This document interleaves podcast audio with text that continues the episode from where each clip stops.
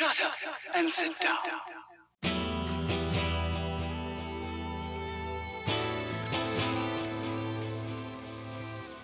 Du lytter til Drivhuseffekt, for deg som trenger litt bensin på bålet i livet ditt.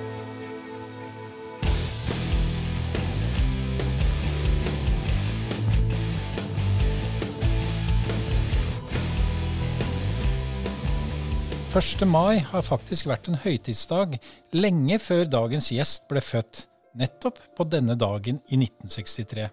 Allerede 73 år før den store begivenheten i Tønsberg, nærmere bestemt 1890, samlet 3600 mennesker seg i Kristiania, Oslo og Kristiansand for å gå i demonstrasjonstog for å markere arbeidernes dag, som ble vedtatt å være 1. mai.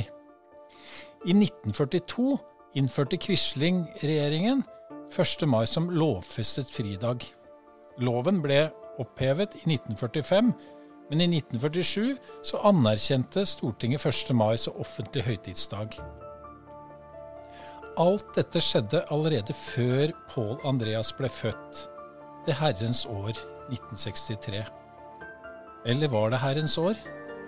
1963 ble lenge og kanskje fortsatt sett på som det mest dramatiske år i etterkrigstiden. Hør bare her. President John F. Kennedy ble skutt i en åpen limousin på vei fra flyplassen og inn til sentrum i Dallas, Texas klokken 12.55. Mordet på Kennedy, Proff Jumo-skandalen og dermed statsministerskiftet i Storbritannia.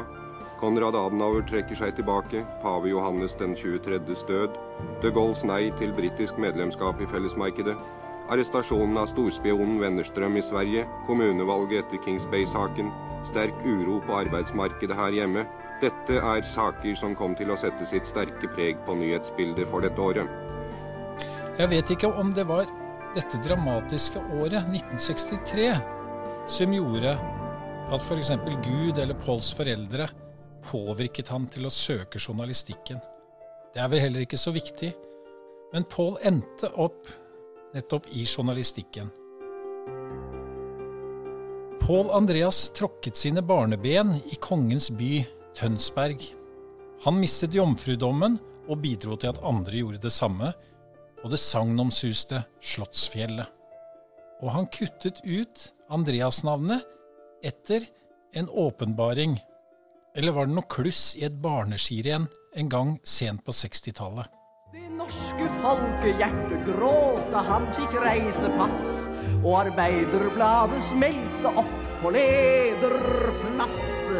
Han er et bedårende barn av sin tid, å si noe annet er bare Som journalist i fremtiden, Norges friidrettsforbund, Tønsberg Blad, Golf Access og Norsk Golf. I dag er han en synlig journalist og en maktfaktor i Lier kommune, som daglig leder og redaktør for en av Norges mest vellykkede lokalaviser, Lierposten. Velkommen til Drivhuseffekt, Pål Andreas Næss.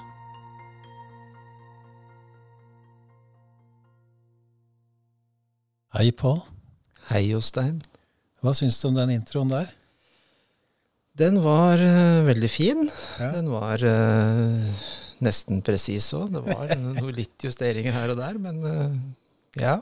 Er det var, mye sånn i journalistikken at man bare tar noen snarveier og Ja, det, det kan skje, det. Vi er jo opptatt av å være etterrettelige, da. Men det kan jo hende at vi gjør som du har gjort, og driver litt research, og så er det ikke alltid researchen stemmer 100% La oss ta de største feilene, Pål, i denne introen. Ja, det skal jeg gjøre. Og den største feilen er at jeg trådte ikke mine barnesko i Tønsberg. Du gjorde ikke det, nei? Nei, jeg trådte mine barnesko i Drammen. Oi, du er, dra er du drammensgutt? Født på Drammen sykehus?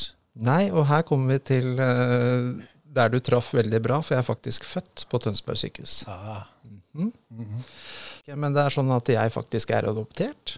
er du det? Ja, sånn Yes. at uh, mine biologiske foreldre, de hadde tilknytning da til Tønsberg. Men mine foreldre, som jeg da vokste opp med, som er min mor og far, og Ja, det var der jeg vokste opp. De bodde i Drammen. Hvor i Drammen? da? Jeg bodde i Solsvingen på Austad. Hvem er, Vet du hvem foreldrene dine er? Og Det er da jeg sier at vi, dette kunne vi snakket lenge om, for det fant jeg ut for eh, halvannet år siden. Så jeg har eh, hatt litt kontakt med min biologiske far. Men Oi. vi trenger ikke å ta hele den historien nå. Nei, men bare lite grann. Hvordan var, var han lik deg? Uh, veldig mye likhet. Ikke sånn utseendemessig, men veldig skremmende mange like ting. Uh, vi har eksempel, Jeg drev med friidrett, han drev med friidrett. Vi, har, vi har helt lik pers på 800 meter, f.eks. Og så er han interessert i musikk, kor, og jeg har drevet et barnekor og er interessert i musikk. Og mange likhetstrekk. Du, Så- dette, dette var en Ja. utrolig bra start. Den visste du ikke, den. Nei, og dette er jo dette er drivhuseffekt på sitt beste. At vi Mhm. ikke har noen plan, men nå har vi allerede snakka om det. Og det Ja. veldig, har vært veldig spennende å snakke mer om det. Men eh, er det lov å spørre om hvorfor du ble adoptert? Ja, for, for meg så er det ikke så problematisk. Det kan hende eh, Nei, det var rett og slett at det var De hadde ikke kapasitet til Ja. å passe på meg. Hva var det første eh, far, eller din biologiske far sa til deg når du traff han? Jeg tror han sa hei. Hva sa du? Hei. Så fint. Ja, du, Og så ga vi hverandre en klem, for det var, før, eh, det var like før korona, så da kunne vi gi hverandre en klem. så det er ganske nylig òg. Mm. I januar i fjor. Gratulerer. Jo. Angrer ikke på det. Nei, ikke i det hele tatt. Eh, Selv om jeg er veldig Jeg har jo vokst opp med mine som er mine, og vi har vært nære, og jeg har vært, hatt en fantastisk oppvekst, og alt har vært superbra. Mm. Men um, så hadde jeg lyst til å finne litt ut av det. Så gjorde jeg det. Mm. Det tror jeg er mange som går rundt og tenker på. Og, og nettopp den der at du er redd for å såre de foreldrene dine. Ja, det var noe litt av det også. Uh, samtidig som jeg hadde det så Jeg har hatt det så bra som jeg har hatt det, så jeg har liksom ikke hatt behov for noe mer, egentlig. Uh, bortsett fra at det lå vel et lite frø der, da. Som Og det har vært veldig fint. Mm. Har du barn? bra. Om jeg har barn? Ja. Jeg har barn. Ja. To jenter. Og da blir det jo kanskje ekstra på en måte interessant, da. For det har jo noe med slektens gang, dette her. Ja, og det har vært morsomt og givende å involvere de i det, da. Hvilken tid har du på 800 meter? 2046. 2046. Er det bra?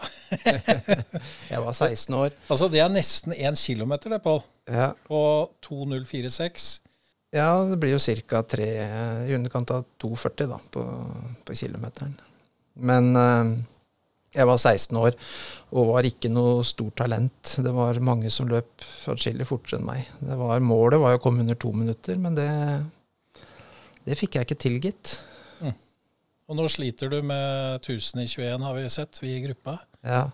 Jeg har en eh, betennelse i kneet som gjør at jeg er eh, fratatt uh, muligheten til å løpe, som jeg egentlig har veldig lyst til. Da. Jeg har begynt å løpe for noen år siden igjen, etter å ha vært inaktiv i 30 år. Og halvannet år siden så løp jeg faktisk uh, Ultravasan. Wow! Det var uh, Da var jeg litt stolt.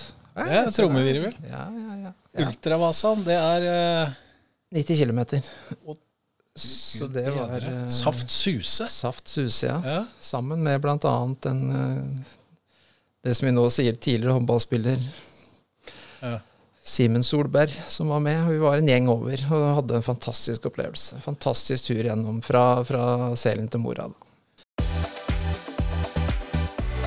Du lytter til Drivhuseffekt, en podkast det absolutt er verdt å høre på. Du, har du vært journalist hele livet? Ja, egentlig eh, så har jeg jo det, da. Selv om jeg Jeg ville jo ikke bli journalist. Jeg begynte å jobbe frilans i Fremtiden i Drammen, som du sa, da jeg gikk på videregående. Syns dette med deadline var veldig stress, så jeg sa vel egentlig at jeg skulle aldri bli journalist. Eh, Så jeg eh, Så dro jeg var i militæret et år, og så, og så skulle jeg egentlig begynne på idrettshøyskolen, men jeg hadde ikke gode nok karakterer, så skulle jeg ta et praksisår, og da jobba jeg ett år i Foss barnehage på Lier sykehus. Så da bodde jeg i rødblokka i Fossveien et år. Mm. Så der kommer eh, knytningen til Lier, da. Der kommer tilknytninga til Lier. Ja. Da bodde jeg et år i, år i Lier. Et fantastisk eh, år i Lier.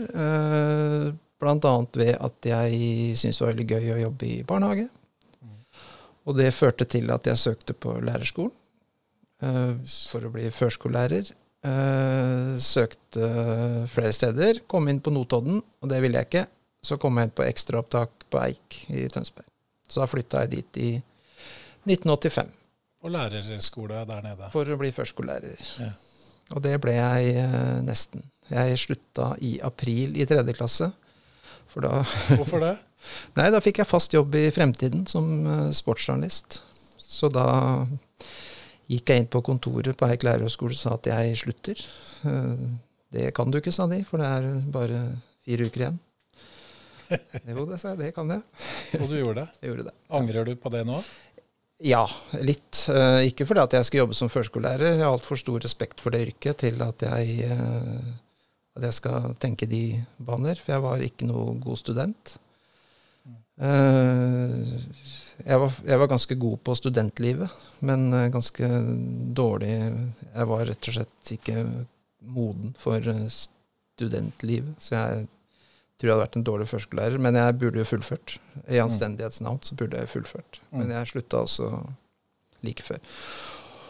Og etter at jeg da begynte i Fremtiden, så har jeg jobba i journalistikken. Sånn mer eller mindre. I forskjellige typer. Det jeg hadde tenkt å spørre deg om, Pål, er du har, du har også gjort sånn der profilintervju med meg. Mm. Uh, og da må jeg ta det med en gang. Hvorfor er jeg mye i Livposten? Og jeg vil at du skal si, fortelle nå direkte her at jeg har aldri ringt deg og spurt om at du skal komme og skrive om at jeg er på tur med bobla mi, eller er Og så er det alltid nye journalister. Er det en slags opptaksprøve i Livposten å prøve å lage en artikkel om meg? Eh, Skal du ha svaret? Det, det, Ja, skal du ha sannheten? Er det, er det bra clickbait? Ja, rett og slett. Det er Du er en god clickbait, uh, Jostein. Ja. Men jeg er litt sånn redd for det der litt janteloven. At uh, tenker jeg, nå sitter folk åh, der kommer han igjen. Nå har han ringt. Oi, nå har han korona. nå skal han gå 1000 km. Han ble på biltur. Mm. Uh, men er du ikke enig, at vi skal oppfordre folk til å fortelle litt om seg sjøl? Jo, jeg syns det. Altså, problemet vårt er ikke at vi har for mange tips. Nei. Vi får for få. Jeg skulle gjerne vært eh, Og det, det som vi er på jakt etter, det som folk gjerne vil lese òg, det er eh, vanskelig å få tak i. De, de, de glade historiene.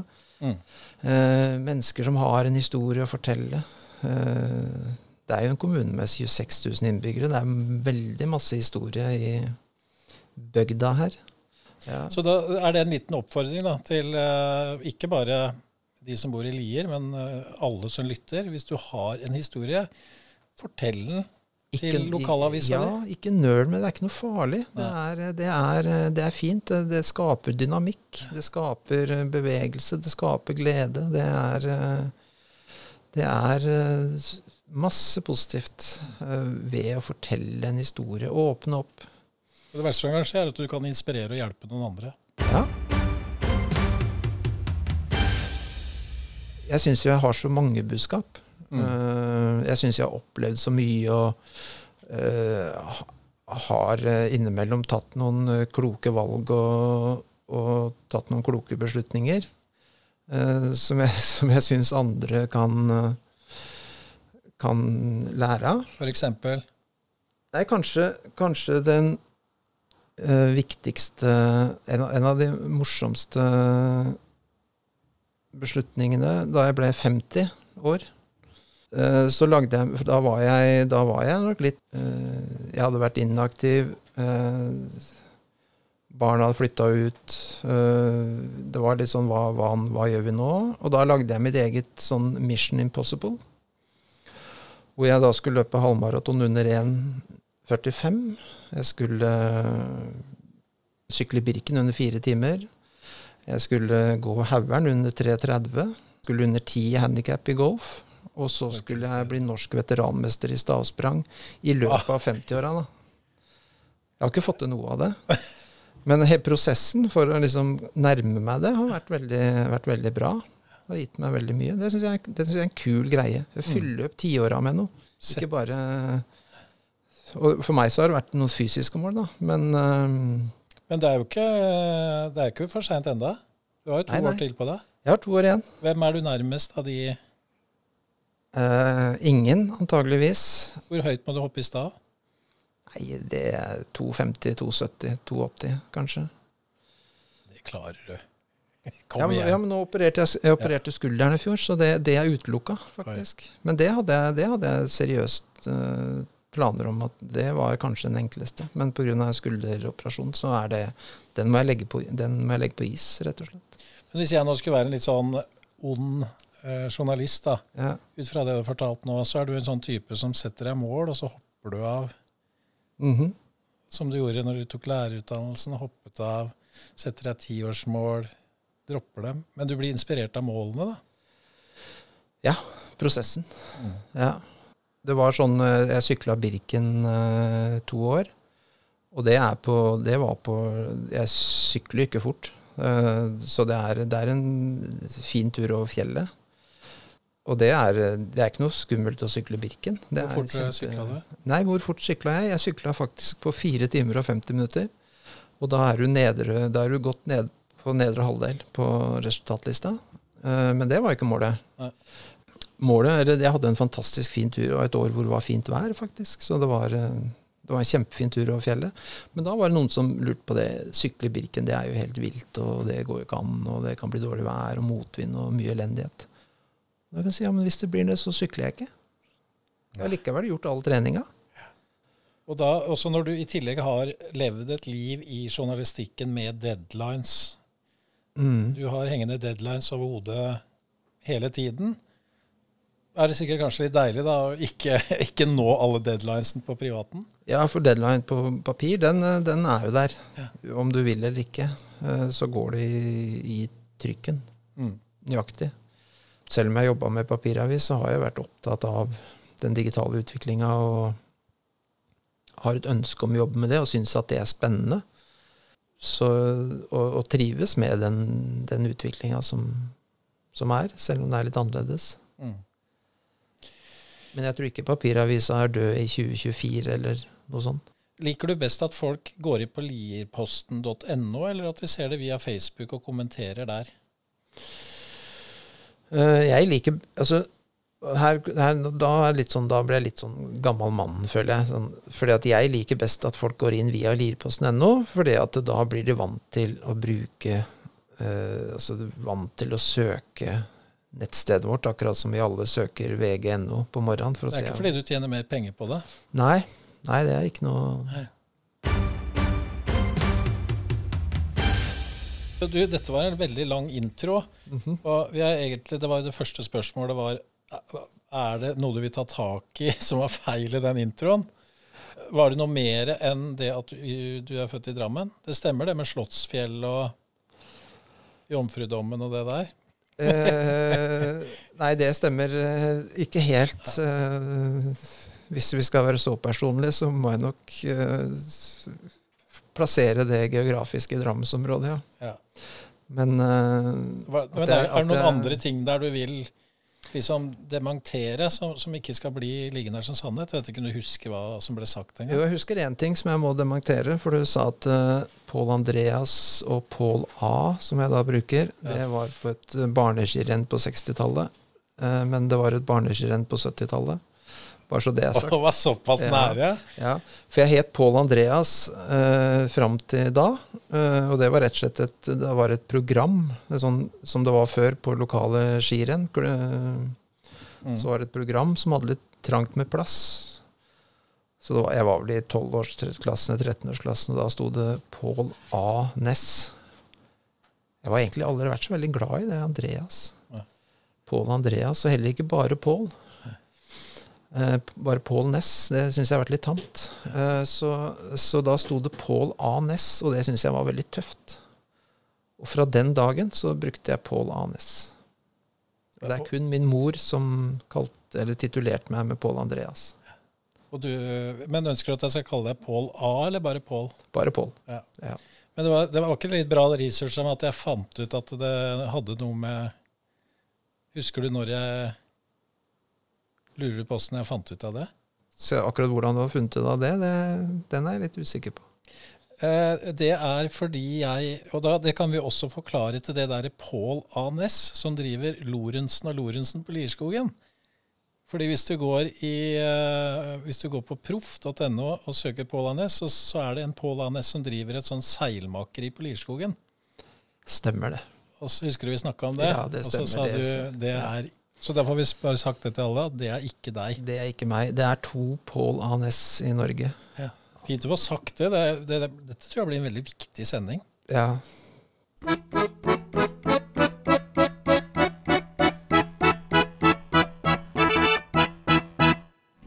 Mat. Din favorittgrønnsak, frukt og livrett.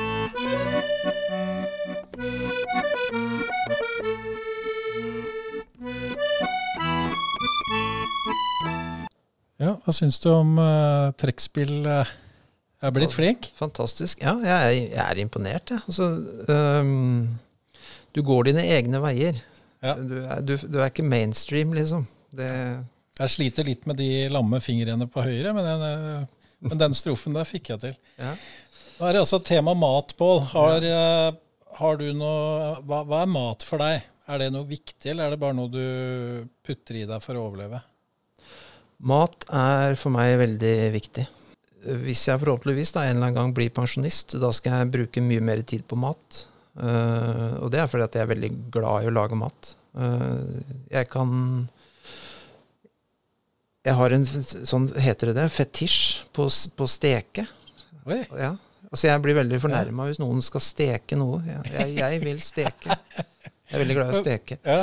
Hva, Eh, men ste, hva, det, hva, hva, steker du på da? Altså, har du induksjon og sånn, eller? er Ja, det har jeg. Nei, det er det samme, bare det kan stekes. Ja. Eh, Det er ikke at jeg må spise Jeg er veldig glad i gryter. Altså, jeg, er veldig glad i, jeg er veldig glad i mat. Jeg er veldig glad i å lage mat. Jeg er veldig glad i å stå på kjøkkenet. Eh, og så etter hvert så Og det, det blir sånn 60-årsprosjekt, tror jeg. For det, der skal jeg Da skal jeg så jobbe med forskjellige, forskjellige typer mat, selvfølgelig. Utvikle meg som, på det. Men også uh, kunne lage billig og sunn mat, og, og, og ikke kaste mat. Uh, være flinkere til å kjøpe større deler av dyr, og, og bruke hele. Altså, ja, bruke mer grønt og bruke Ja. Det, skal, det tror jeg jeg kan bruke litt tid på. Mhm. Når jeg får tid til det. Men nå så er mat eh, Nå så er det en helgeaktivitet. Ok, men uh, i den spalten her, da, Mm. går vi, for, siden vi er i drivhus nå, så må vi jo snakke om uh, frukt og grønnsaker. Mm. Uh, har du en favoritt, eller du har en favorittfrukt, og det er? Min favorittfrukt er altså da eple. Eple fascinerer meg veldig. Mm. Fordi det er så mye forskjellig type epler, og det er så mm, mye forskjellig det går an å gjøre med epler. Men, eh, men også møte med eldre mennesker som har vært opptatt av, som jeg, som jeg har møtt som, som er opptatt av at nå kommer den eplesorten, nå kommer den eplesorten. Og for meg så var eple eple. Og så smakte det litt forskjellig. Vi hadde ikke noen bevissthet i forhold til det. Men eple er det, det, det er ikke noe annet jeg bruker masse i matlaging, men det er Det er blitt en favoritt, rett og slett. Ja, ja. Så det må være en oppfordring til alle at prøve å få et forhold til eple. At, at et, et eple er vel ikke et eple, da, som du sier. Det er ikke det. Du, akkurat som potet er ikke potet. Men eple er Jeg er veldig glad i potet, øh, men eple er liksom Og dame er ikke dame heller. Nei, øh, Jostein, da. Ja. Hva var det feil? Da? unnskyld.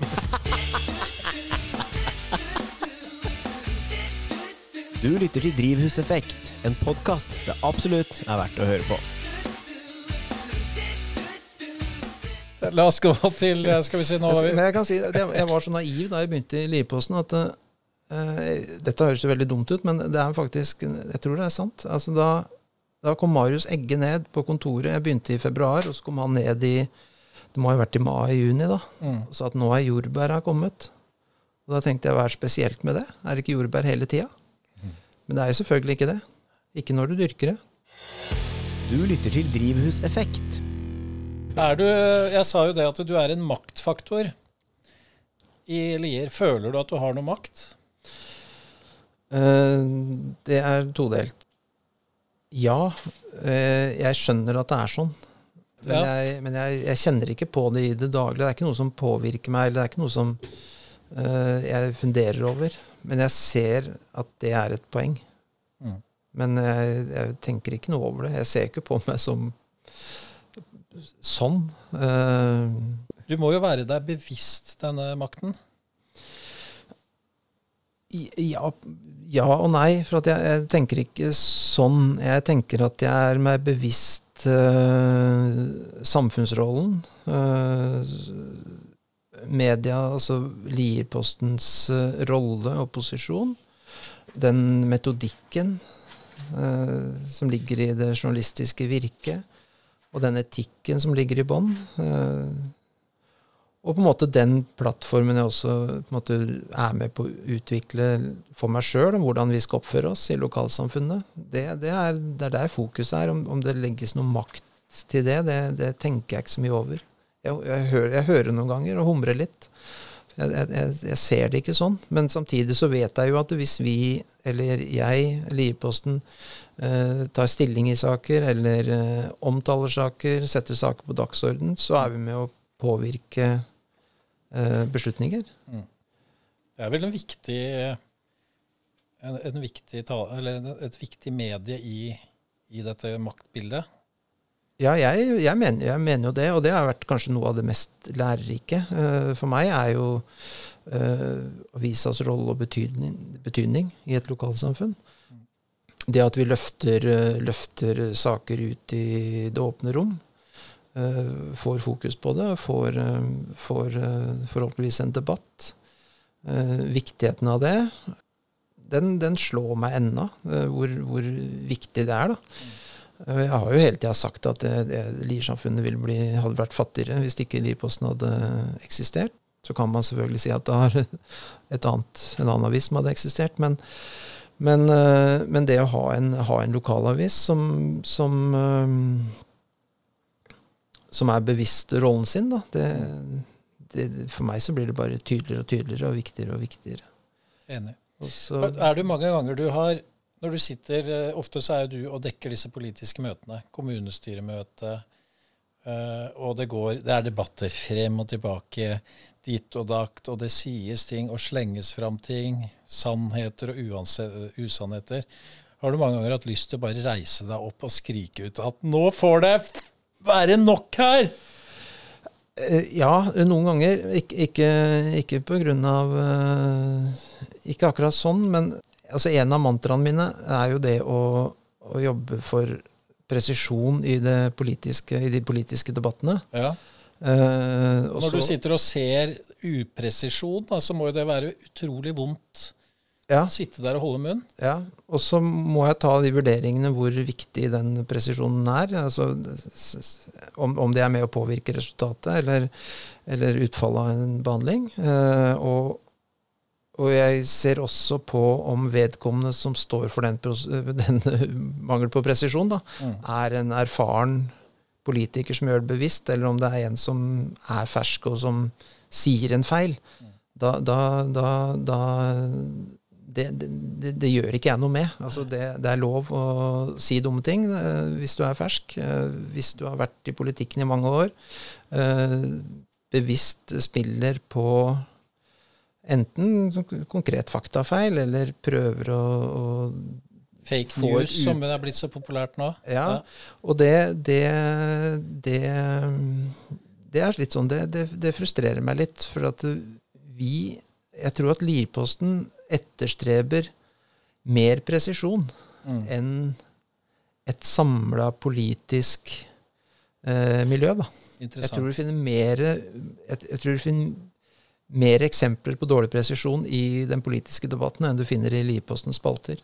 Det er min mening, da. Pleier du å glede deg før sånne møter? Våkner om morgenen og 'Å, i dag er det ja. Jeg gjør det. Jeg er jo på veldig mange møter. Ja. Røftlig sett da, så har jeg vært på de fleste kommunestyremøter og formannskapsmøter og ganske mange utvalgsmøter i 13 år. Eh, og så har jeg spart på alle notatene. For jeg noterer Jeg, jeg skriver ned ganske mye av det som ble sagt. Har du en favorittpolitiker? Du trenger ikke å si hvem. Ja, det har jeg nok. Ja. Uh, men ikke pga. politikken. Nei. Er du politisk uh, er det, er det mulig å være politisk aktiv selv som eh, redaktør? Nei, det er helt, helt umulig. Det er ingen som vet hvor du står? Nei, Nei. jeg vet ikke sjøl engang. Så det er, jeg, er ganske, jeg er politisk, og jeg har, eh, jeg har noen plattformer, men det er ingenting som stemmer inn i de plattformene. Sikkert mange som har formeninger. Ja, Og at når du skriver stygt om dem, så sier de 'Å, jævlig høyremann', eller ja. Jeg har hørt begge er deler. Eller eh, Ja, hvis du ser de to hovedblokkene, så har jeg hørt begge deler. Eller Ja. Hvis du skulle tippe, da? Hvor jeg Hvis du er. måtte valgt høyre- eller venstresida? Eller sentrum? Uh, jeg kan ikke gjøre det. Nei. Men jeg kan jo jeg Søren, jeg hadde håpa jeg skulle få. ja. ja, ja, nei, jeg kan, ikke, jeg, kan ikke, jeg kan ikke si det. Ikke, Fordi du ikke kan, eller fordi du mener det er uklokt å si det? Uh, for det første så er det uklokt å si det, hvis jeg hadde hatt det. Uh, men jeg, jeg kan ikke.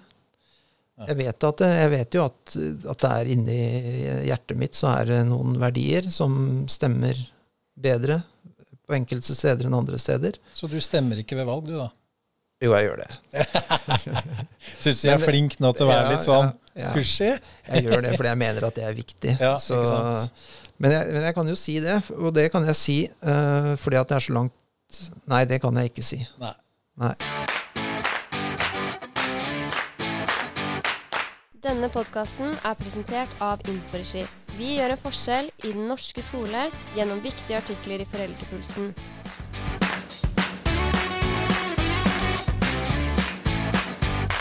Visste du at Inforegi gir liv til infoskjermer hos grunnskoler og videregående skoler i hele landet gjennom målrettede oppslag? Du velger tema, vi oppdaterer automatisk. Og hvis du trenger hjelp til podkast, så kan vi hjelpe deg med det også.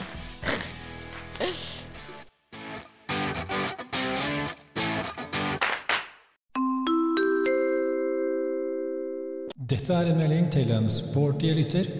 Du kan nå snu og gå hjem. Nå har vi lært litt om frukt. Det er epler som teller, men på grønnsakssida Jeg hadde en gang en lørdagskveld. eh, jeg, da, altså jeg, jeg, tar, jeg koser meg alltid med, et, med matlaging og så et, et glass vin, eller eh, to.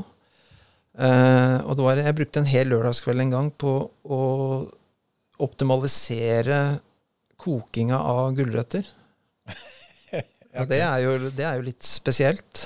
Kan du ta kortversjonen av den? Ja, det var å teste ut uh, Altså koke det med i forhold til vann og salting eh, i forhold til Unnskyld. Eh, I eple, eplesider, uh, appelsinjuice og med chili og forskjellige stjerneanis. Altså forskjellige kombinasjoner av det, da. For å se om jeg kunne optimalisere gulrøtter. Og hva, hva Har du en anbefaling der? Egentlig så er det best med vann og litt salt. For da smaker det gulrøtter. Ja. Men da har du i hvert fall funnet ut av det, da. Ja, altså, funnet- det er bra noen gjorde den jobben for oss. Ja, for etter det, etter det lille prosjektet så blei det mye gulrøtter i eh, eplesider. For å få den lille syrligheten på det. Eh, og egentlig så har jeg brukt ganske mange år på å overkrydre maten. Men nå har jeg blitt flinkere på å krydre mindre, og for å få fram smakene. Så jeg er, det er en evig prosess, dette her. Jeg tror nesten vi må eh, sette av tid til en sånn matspalte med deg en gang. Før vi forlater mat, eh, så må vi innom eh, livrett. Hva er livretten til Pål A. Næss? Jeg vet jo at du skulle spørre om det, og Mm. jeg syns det er veldig vanskelig. Forundrer meg at du tenker så mye når du vet at du skal få et spørsmål. Ja. ja, men jeg klarer ikke å bestemme meg. Og er, altså jeg er jo litt sånn Karlsson på taket-type, har jeg funnet ut av. Jeg er liksom noen passe klok, passe tjukk, passe, passe grei. altså passe liksom sånn, Jeg er ikke noe, jeg er ikke noe unikum på noe sånt. Jeg er sånn, jeg er sånn, ja, sånn litt sånn Karlsson på taket. Det er derfor du er her. Det er Passe sånne bli, mennesker vi, sånn. vi alle er. Og Vi har mye å lære av hverandre. Og så lider jeg av total beslutningsvegring, så jeg klarer ikke å finne ut av Men hvis, hvis, jeg, hvis jeg må velge en, Så, så Surulv sitter ved siden av deg. Hvis ikke du bestemmer, så biter den Nå har du ti sekunder på deg. Nå har jeg prøvd å klappe den fire ganger. Nei, det er Det er, det er en det er, det er gryte. Altså, jeg må ende opp i en gryte. Ja. Ja. Fransk gryte. En fransk gryte med Ja, masse rød- greier i. da. Rødvinsbasert. Masse Kjøtt. Ja. Steke kjøtt litt først, selvsagt. Ja. Så du Ja. får med den fetisjen oppi der, og så litt Ja, grønnsaker, gulrøtter, litt Ja. eple kanskje. Nei, ikke eple. Nei. Å, nei. nei, nei, nei. Fy, fy. Og så en god rødvin til. Ja. Du lytter til Drivhuseffekt, en podkast det absolutt er verdt å høre på. Der hørte du Shetan. Han er samme personlighet som deg. Mhm. Han er journalist, han også. Så kult. Du, øh, jeg tror nesten vi må gå rett på en ny spalte. Ja, kan jeg bare få si noe når du, når du sa det? Når jeg sa hva da? med Shetan. Ja. Uh, unge mennesker fascinerer meg. Uh, han er en av dem. Eh, en annen som har fascinert meg, det er eh, Ida Benonnesen, som jobba litt i Liposten, som nå har jobba i NRK. Du skal komme hit, hun òg. Skal det? Ja. Ja. Eh, vi, har ikke, vi har ikke vært i kontakt med hverandre på et halvt år, og så var vi i kontakt med hverandre i går. Og så og så, så jeg på Supernytt, og så, og så tok jeg bilde av skjermen med hennes byline, og så sendte jeg over det. Ser du når du snakker om sola, så nå er du på skjermen, liksom. Kult. Og så fikk jeg uh, ikke hva ser du på Supernytt? ja. eh, innimellom så ser jeg på Supernytt, og det er fordi at de har en sånn fantastisk evne til å formidle ting enkelt. Og eh, ja, enkelt og sånn oversiktlig. Eh, unge mennesker, dyktige mennesker, som, som fascinerer meg, og som jeg lærer noe av. Mm. Enk, enk, enkle måter å formidle ting på. Enig. Ja. Og det, det det, snakka vi jo litt Jeg hadde jo sånn radioskole med Shetan her. Mm. Uh, og han snakka jo om det viktigheten av å tørre å være annerledes. da, mm. Og tro mot sin stil, og ikke bare lære av dere gamle kara og damene. Så det er jeg enig i. Vi heier på dem. Og Supernytt de gjør det sånn som de gjør det. Framsnakk, eller det som vi i Nord-Norge kaller for skryt.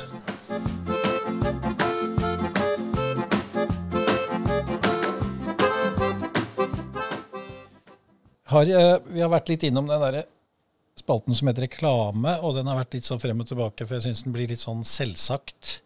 Og derfor så bestemte Roger at vi skulle endre den til Framsnakk. Framsnakk. Ja. For å at Du skal få lov å framsnakke med en sak eller et menneske eller et eller annet. Er det noe som popper opp i hodet ditt? Hvis det er ett menneske som dessverre ikke lenger er eh, blant oss, men som har gjort noe med meg Mm. Uh, I de åra jeg jobba i Livposten, så er det faktisk en som tidligere var redaktør i, i, um, i den forrige utgave, altså forrige versjonen av Livposten, nemlig Åsta Vigrust. Nei, Åsta Vigrust, uh, da jeg begynte i Livposten 44 år gammel, uh, så var hun en av de første som kom og hilste på.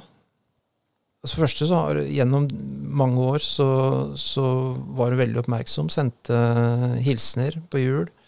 Eh, bakverk eller eh, sjokolade. Hilsener eh, som var veldig hyggelige.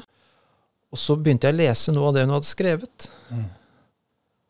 Hun hadde en Eh, skarp og en fin eh, penn. ja, det fantastisk penn. Ja. Og jeg var også så heldig at vi fikk prata sammen noen ganger, og, og hadde veldig Altså, hvis hun hadde gått eh, redaktørskolen, så tror jeg hun hadde vært en veldig sterk eh, og dyktig redaktør, slik redaktørene var i sin tid.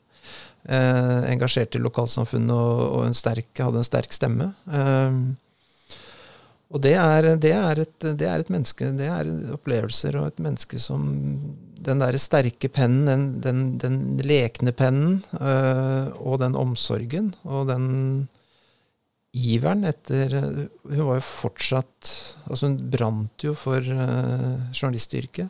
Mm. Hun var, ja, for jeg har også fått hørt litt gjennom Åsmund, da. Og vi var på et sånn eh, julesamling hos Åsmund, og da leste han høyt noen av de leserinnleggene. Helt Mm. fantastisk. Mm.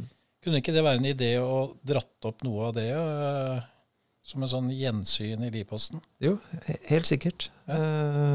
Da håper jeg vi får se det. ja. Kjempe, det, vet du hva, Dette var bra. Nå har vi snudd den reklame til ordentlig framsnakk. Mm. Da framsnakker vi Ja, altså det, det, altså det engasjementet, den der lokale engasjementet, det å, det å bruke stemmen sin, det å, det å, å, samtidig vise omsorg og, og, og gi tilbakemeldinger, åpne og ærlige tilbakemeldinger til hverandre. Altså det er mange ting som ligger eh, i dette som er eh, kjempefint. Åsta Vigerust. Ja.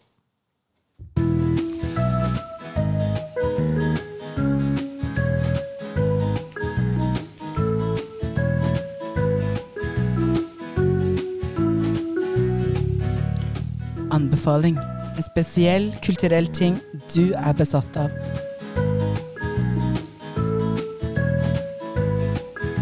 Jeg vet det er vanskelig, Pål, å måtte anbefale bare én ting. Men vi er strenge her i Drivhuseffekt. Ja. Fordi um, da tvinger vi deg til å virkelig komme opp med noe. Og det første vi er spent på, er hva du har valgt. Da, om det er eh, en kunst, om det er noe kunst, kultur Du skjønner, du kan egentlig anbefale hva som helst. Det kan være alt fra en låt til en plate, til et kunstverk, til en forestilling, til en film, til en bok. Nå er vi veldig spent på, på hva din anbefaling er. Jeg er, eh, jeg er litt fotballinteressert. Jeg har vært på Anfield på hjemmekamp med Liverpool for eh, tre-fire år siden. Eh, jeg er Leeds-supporter, men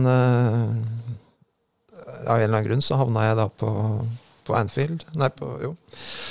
På, Liverpool-Arsenal.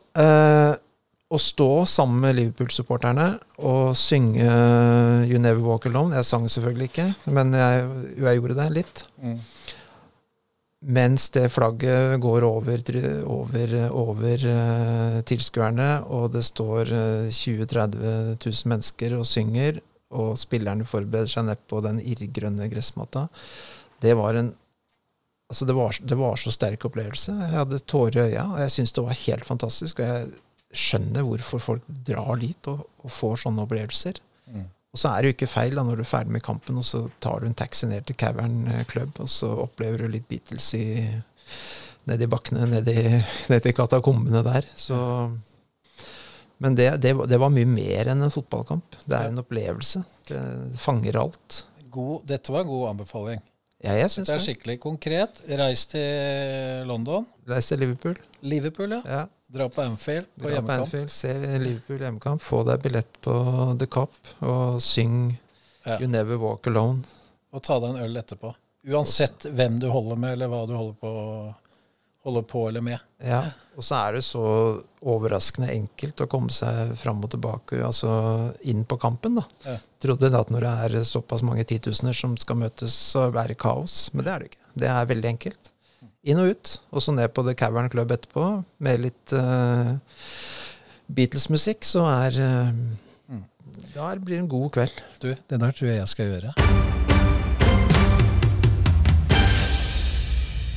Det var en god anbefaling, Pål. Det var litt overraskende, kanskje? Nei, jeg synes, Var det overraskende? Nei, jeg vet ikke. Hva er det du tror at jeg trodde at du skulle velge? At jeg bare er sånn bok av et Ja. dikt av Ibsen eller noe sånt? Et intellektuelt, eh, en intellektuell aften. Er du veldig opptatt av å framstå som sånn eh, intellektuell og korrekt? Ja, men jeg er jo helt sjanseløs, så jeg får det ikke til. Der er, da kommer uh, Karlsson på taket fram. Er jeg, er sånn passe. Jeg er sånn passe intellektuell. Passe korrekt. Passe flink. Det er vel kanskje sånn en redaktør bør være? Jeg tenker i hvert fall at det ikke er noe drawback.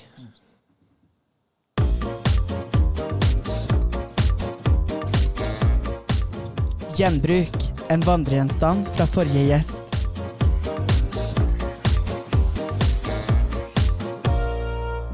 Da har vi kommet til en av mine favorittspalter, for det handler om å gi ting til hverandre, og det handler om å få, som eh, så mye annet her i livet.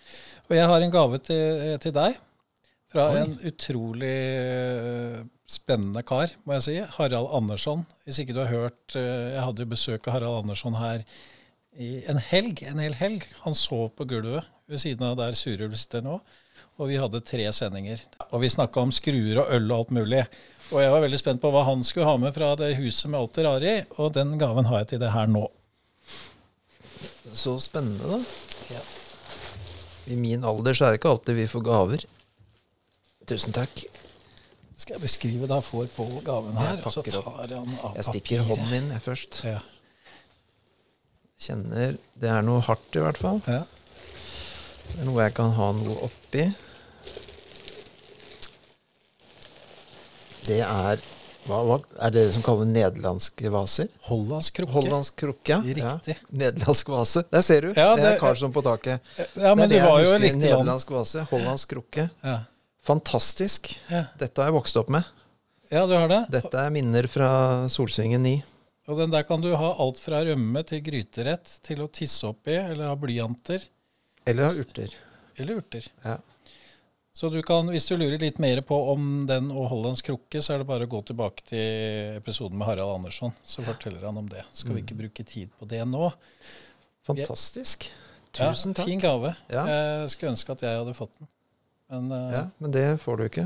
For den er min. jeg kommer til å slutte denne podkasten. Det er når den fineste gaven er, for da kan jeg beholde den fra, fra siste gjest.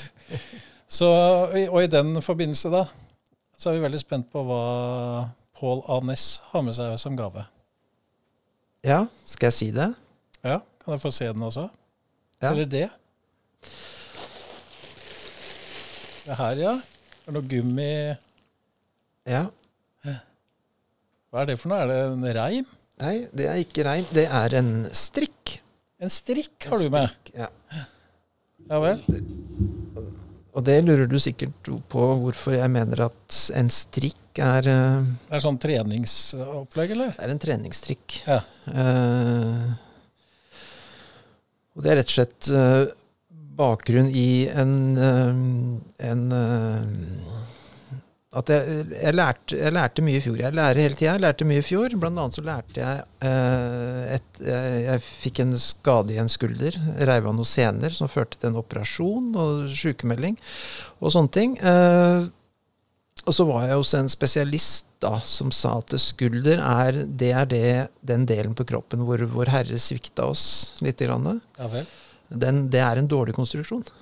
Eh, Det er viktig å trene. Og den beste måten å trene på, i hvert fall for meg, å gjøre øvelser, det er med strikk. Eh, Jeg har aldri trent med strikk før. Nå har jeg 10-12 strikker hjemme av forskjellige karakterer. Altså styrker og lengder og hva det nå måtte være. Kan du alltid ha med deg. Det er alltid gode øvelser. Eh, Ikke bare skulder, men, men andre muskelgrupper òg. Men en strikk er et fantastisk, eh, rett og slett, eh, treningsverktøy. Undervurdert treningsverktøy. Det ser Ja. litt kjedelig ut, da. Men Ja, det er jo det kanskje er noe med at det er de kjedelige øvelsene som er viktigst. Ja. Ja, det, ja da. Øvelser er, eh, kan nok være litt kjedelig, men det, det, må til. Men spesielt skulder Så nå har jeg vært og trent opp skulderen min et år, og det skal jeg fortsette med. Det tror jeg jeg skal fortsette med lenge, for det er viktig. Uh, for skulder er et sted det er lett å få vondt, få skader, at det mister funksjon etter hvert som man blir eldre. Jo tidligere du begynner, jo bedre er det. Så jeg, jeg har begynt å framsnakke strikk. Og det er helt supert. Jeg, har, jeg kan ha det med meg overalt. Og jeg kan gjøre ti minutter, så har det gjort veldig mye. Det der syns jeg var en fin gave på. Det var lærdom i den, det var omsorg i den, og jeg håper at den neste gjesten tar imot den. Så vi håper det kanskje er en gjest som ikke har noe forhold til strikk. Så vi på en måte det mennesket ser lyset med dette her. Jeg kan snakke veldig lenge om strikk nå. Kanskje jeg skal jeg. begynne med strikk, jeg også. Gjør det. Ja. Saft Suse. Milde Måne. Du store alpakka. Faen i helvete! Så innst i det røde helvete! Faen. Hvisker du? Nei, faen. Faen. Æsj. Hvilket kraftuttrykk bruker dagens gjest? Dette var en spalte som jeg hadde egentlig tenkt jeg skulle ta av fordi det ble så mye bannskap. Eh, Men etter å ha snakket med Harald Andersson og de, eh, Eva, ja, Harald Andersson sist, så har vi bestemt at den skal være med. Uh, Hvis du lurer på hvorfor, så kan du gå tilbake. Det er sånn cliffhanger, ikke sant? Men vi er veldig spent på hva en redaktør som er vokst opp i, på Austad Og vokst opp i et, uh, Røft et miljø, krist, eller? kristent, Oi, et kristent miljø. et kristent hjem. ja. Er du Ja. Jeg hadde, som mange andre, min, eh, min periode i gospelkor, og, og jeg har til og med vært konfirmantlærer. Jeg har vært, eh, jeg har vært eh, søndagsskolelærer òg, faktisk. Da jeg var eh, 15-16 år, så var jeg sånn medhjelper. Ja. Så jeg har min bakgrunn der, men det, var, det, det har, er et eller annet som har skåret seg på veien her. Men jeg er glad i kirken. eh, Men jeg er ikke alltid like glad i det kirken vedtar. Eh, Så jeg er litt usikker på hvem som har forlatt hvem her. Men jeg, jeg vil ikke si at jeg er en kristen, men jeg, eh, jeg er glad i kirken. Jeg er glad i fine, de fine tingene med kirken. er jeg Mm. veldig glad i. Har du sluttet å tro? Eller har du, har du noen gang trodd? Uh, ja, jeg har det. Eh, og det har jeg nok, eh, må jeg nok erkjenne at jeg ikke gjør. Uh, ikke på den måten jeg forventa at jeg skal tro. Ja. Fordi at eh, eh, jeg, har, jeg, har, jeg har møtt mennesker, da, troende, som er opptatt av dette med bokstaveligheten i, i det som står i Skriften. Uh, som eksempel at, uh, at Jesus gikk på vannet. Uh, Det er altså ikke mulig å gå på vannet. Men det kan være en fin metafor. Og hvis du hadde hatt sånn tilnærming til mye av det, så, så tror jeg kanskje det hadde vært eh, Hadde vi kommet et stykke lenger i Mm. Dette er litt sånn risikofullt å si sånne ting, kanskje. Kanskje jeg bør Jeg syns ikke det. Men jeg er glad i kirkerommet. Jeg kan godt, øh, jeg kan godt gå i kirken. Jeg syns det er fint. Mm. Eh, og jeg syns det blir sagt mange kloke ord. Og så er det noen ganger det blir sagt noe feil Mm. for meg. Og da da, vet, da, er, da, da jeg sier at jeg er litt usikker på hvem som har sagt farvel til hvem. Og derfor så kan jeg også si at jeg fyrer av en salve innimellom, Ja. apropos bannskap. Ja. Jeg, er nok, jeg kan nok være litt fæl til å banne, og så prøver jeg å ta meg i det. Og så er det veldig stor forskjell på skriftlig og muntlig. Eh, skriftlig så er jeg litt sånn gammelmodig. Da er jeg på sånn Du store alpakka, milde Moses og sånn. Ja. Eh, Fine ord som vi ikke må glemme. ja, jeg er litt, jeg er litt glad av det. Jeg, jeg bruker jo ordet at jeg skal ut og spasere, f.eks. Jeg skal i selskapeligheter. Mm, Jeg er glad i sånne ord. Portemonee er jo helt glemt. Men det, det må ikke glemme sånne ord. Eh, Så jeg bruker litt sånn Men det jeg tror i, i, det, i, det, i det muntlige sånn, som, Det er vel eh, blanke pokker. Blanke pokker? Ja. Yes. Det har jeg aldri hørt før. Si, si hvordan du sier det. Blanke pokker. Det hørtes ikke mye Har du ikke noe mer trøkk i det, liksom? Eh, jo. Ja. Men du, det må skje. Ja, det- Blanke ja. pokker! Ja. Blanke. Og så er det noen ganger jeg drar på med kanskje Jeg kjente det når jeg begynte å bli fyre meg litt opp, så, så endte jeg opp med blanke F. Blanke faen. Ja, rett og slett. Men blanke pokker er eh, Jeg bruker det Kanskje det, jeg bruker blanke pokker når jeg har delvis kontroll. Mm. Og så bruker jeg blanke faen når jeg ikke har kontroll. Men blanke pokker er fin, for det, det er jo ikke bannskap. Nei, Eller? Altså, med- pokker er fint, blank er fin. Jeg føler meg litt sånn redelig der. Og så var det ny, en nyhet for veldig mange av lytterne våre. Så la oss begynne å bruke, teste det litt. Neste gang vi mister telefonen i gulvet og den knuser, så sier vi Blanke pokker. Det er lyden for at det ikke er lov å banne mer her i drivhuseffekt. Har vi nå vært innom det meste, Pål? Er du fornøyd? Åssen er det du ønsker eh, at vi skal sitte Hvilket bilde er det du ønsker at vi skal sitte igjen med av deg etter dette her?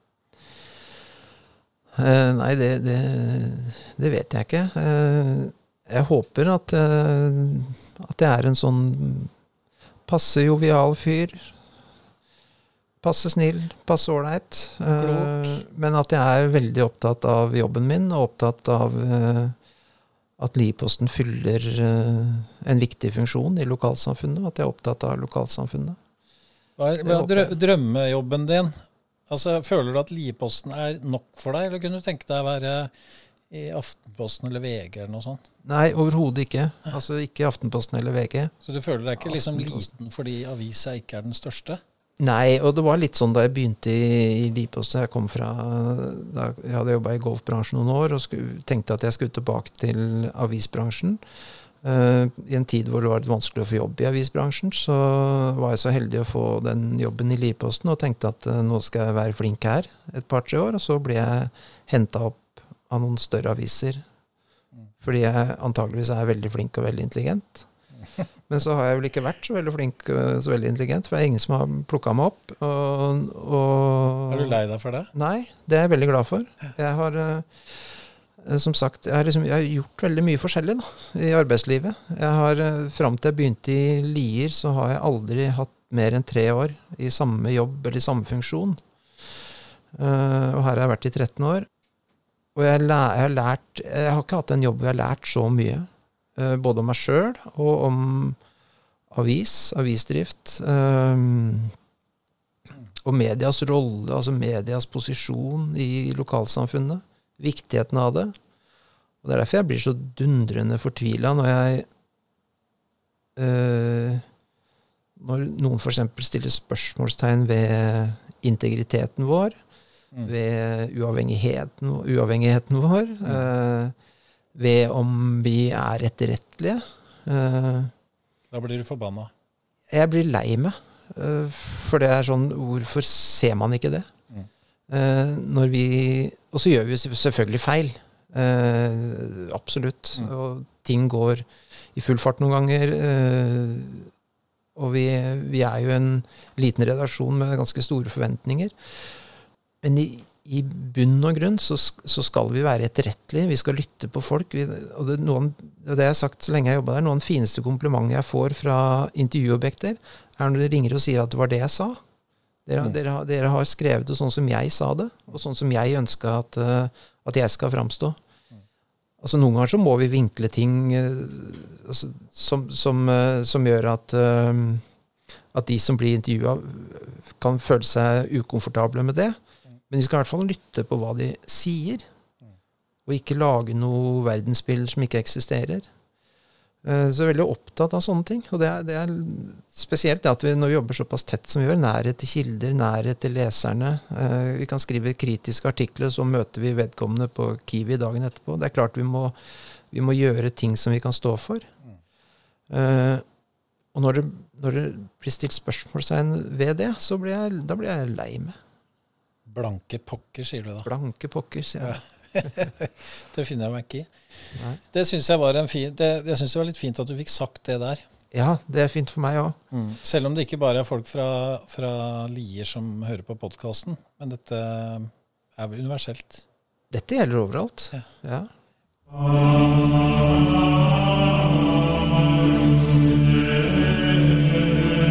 Hei, det her er Eva. Nå har mannen min spurt nok. Nå skal du få stille Jostein ett spørsmål. Og jeg forventer at han er ærlig. Ærlighet varer alltid lengst.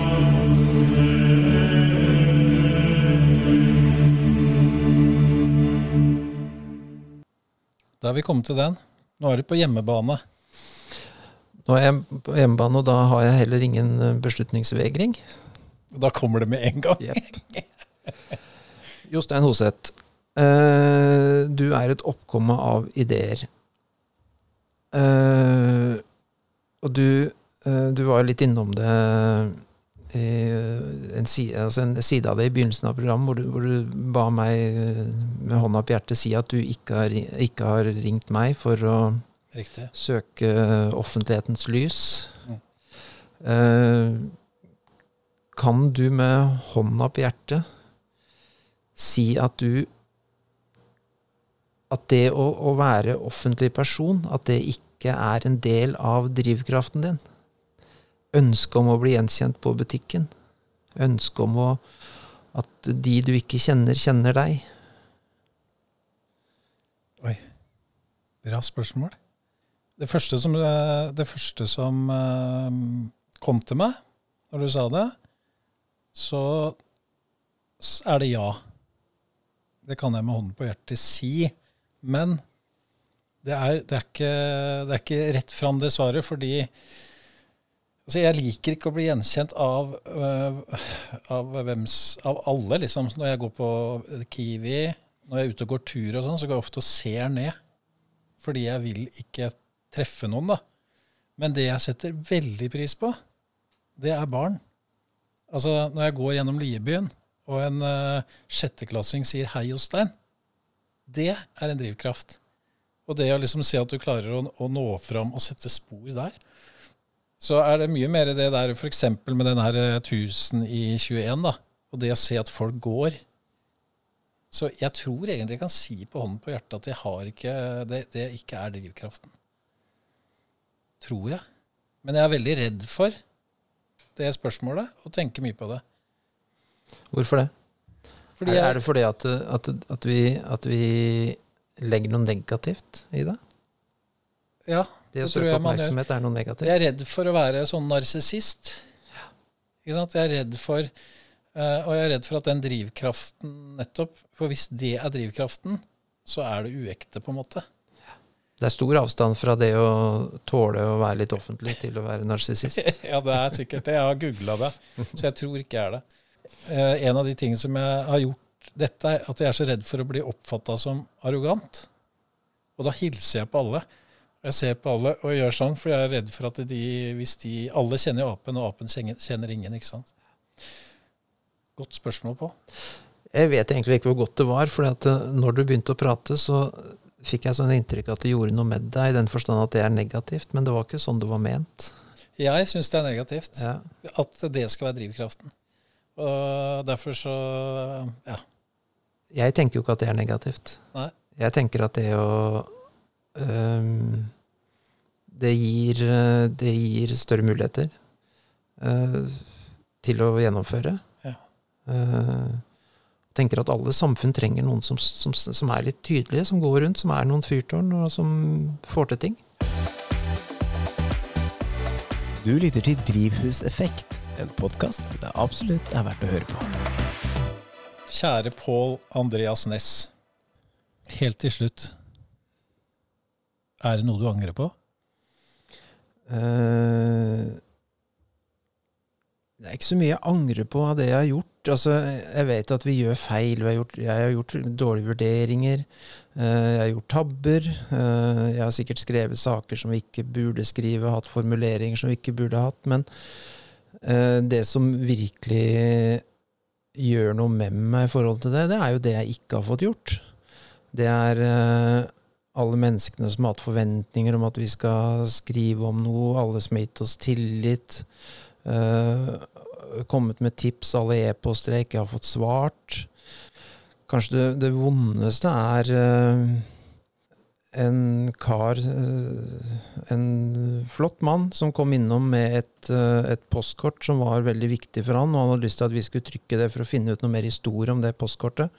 Og så klarte jeg å rote det bort. Så han fikk det ikke tilbake igjen. Og det er sånt som, er sånt som gjør meg vondt. Så er, jeg angrer ikke så mye på det jeg har gjort, selv om jeg veit at vi gjør feil. Men jeg angrer, eller jeg, jeg kjenner på følelser i forhold til alt det vi ikke har fått gjort. Pål, det er masse vi ikke har snakka om. Litt bevisst fra min side. Men eh, golf, du har eh, golfinteresse, den eh, lar vi ligge. Ja, det lar vi ligge. Ja, det, er det, det meste Samlivet ditt har vi latt ligge. Ja. Ungene dine, familie, hva det betyr for deg. Det er ikke så mye du rekker på en time, Nei. men jeg syns vi har fått uh, blitt kjent med et godt menneske her. Jeg kan fortelle om mitt barndomstraume, hvis du vil. Ja. Mhm. Det var det at vi aldri flagga på bursdagen min. Det var det jeg hadde tenkt å spørre om. Hvordan var det å ha bursdag 1. mai? Ja. Men det svaret får vi kanskje en annen gang. Tusen takk for at du kom, Pål. Det var kjempehyggelig. Og jeg er glad i deg. Takk i like måte.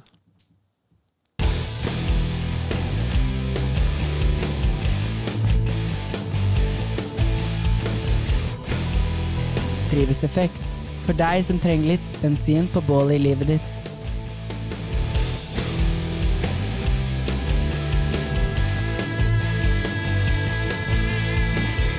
Denne podkasten er levert av Inforegi AS. Innhold over tid.